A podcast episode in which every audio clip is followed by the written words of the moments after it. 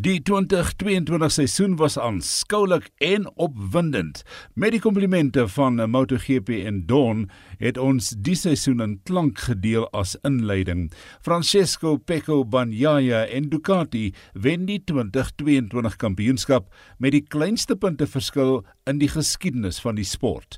Pecco behaal 4 agtereenvolgende wedren-oorwinnings en 8 podiums in die laaste 10 Grand Prix.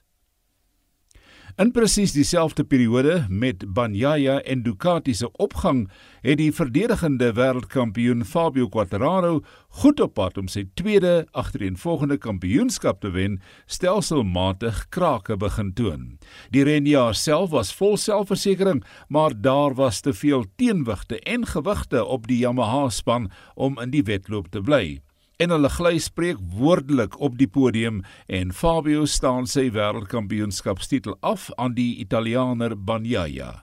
Maar dit was baie baie baie naby tot aan die einde, 'n spannende einde aan die seisoen en die kersie op die koek, 'n oorwinning vir Suzuki op hulle swane sang.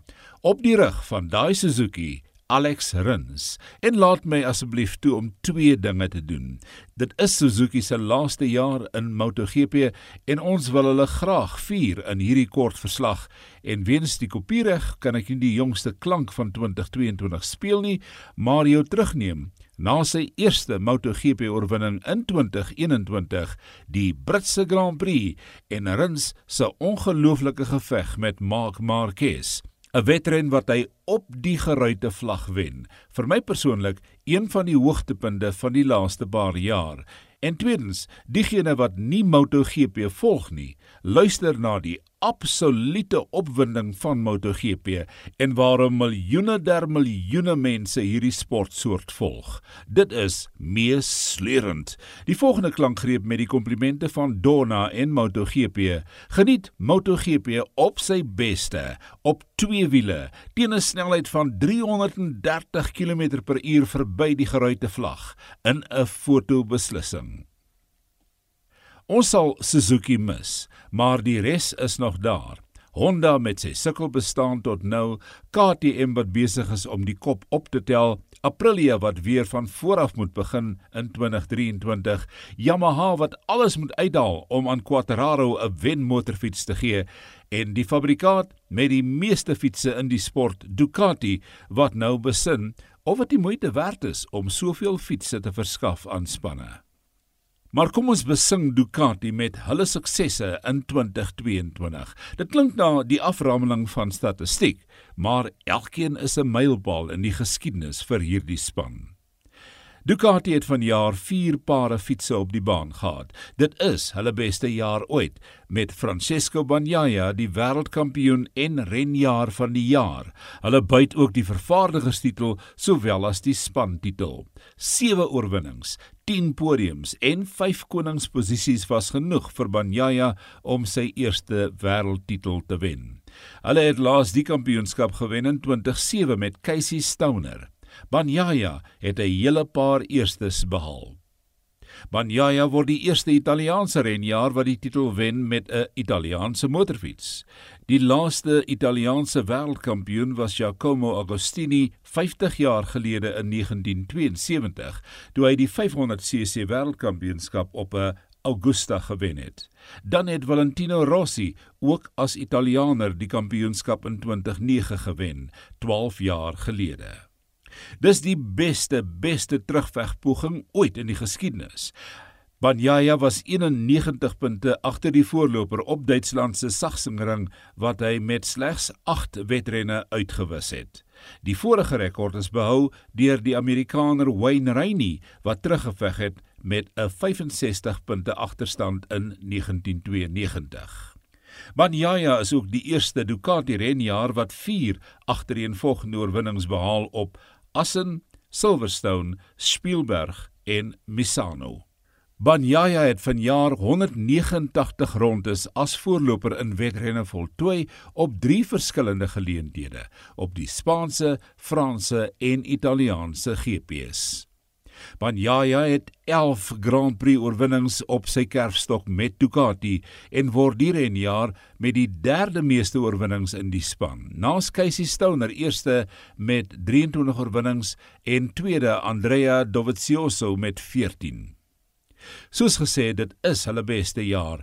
Hulle behaal 'n totaal van 32 podiums met 6 verskillende renjaars.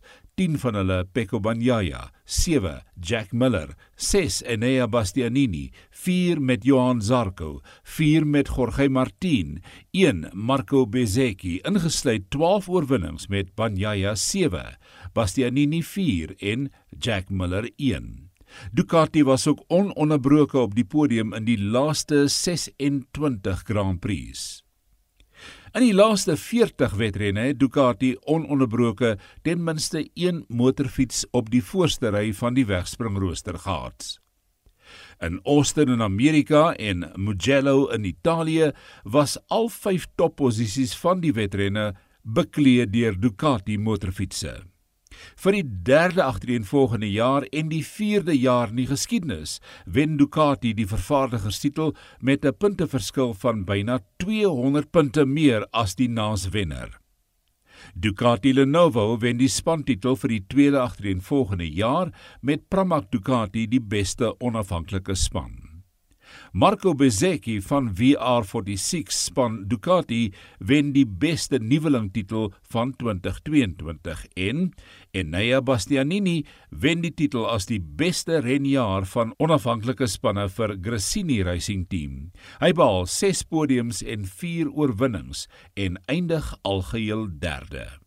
Wat 'n besondere lys van prestasies vir Ducati. Dit sal moeilik deur enige ander span geklop word in die afsienbare toekoms. Die enigste manier vir enige ander fabrikant om hulle te klop is om ook 8 tot 10 motorfietsse op die baan te hê, maar die koste is astronomies. Op 'n volgende geleentheid gee ek 'n voorskou oor die 2023 seisoen. Dis op 14 Januarie dink ek. 'n Luisteraar het my gevra, "Wat maak motorfiets vir Fritz Klaaste so besonder. Hy kan weekliks in my stem hoor hoe gefassineerd en meegevoer ek raak. Hans, ek gaan vandag nie self beantwoord nie, maar 'n paar MotoGP renjaars vertel waarom die sport en veral hulle verhouding met ondersteuners wat nou weer teruggekeer het na die baan sedert COVID die paviljoene leeggelaat het. Johan Zarco, Luca Marini, Franco Morbidelli, Jorge Martin, Alessio Spagro, Marco Bezzecchi, Marc Marquez, Brad Binder, Fabio De Gian Antonio, Taka Nakagami, Fabio Quartararo.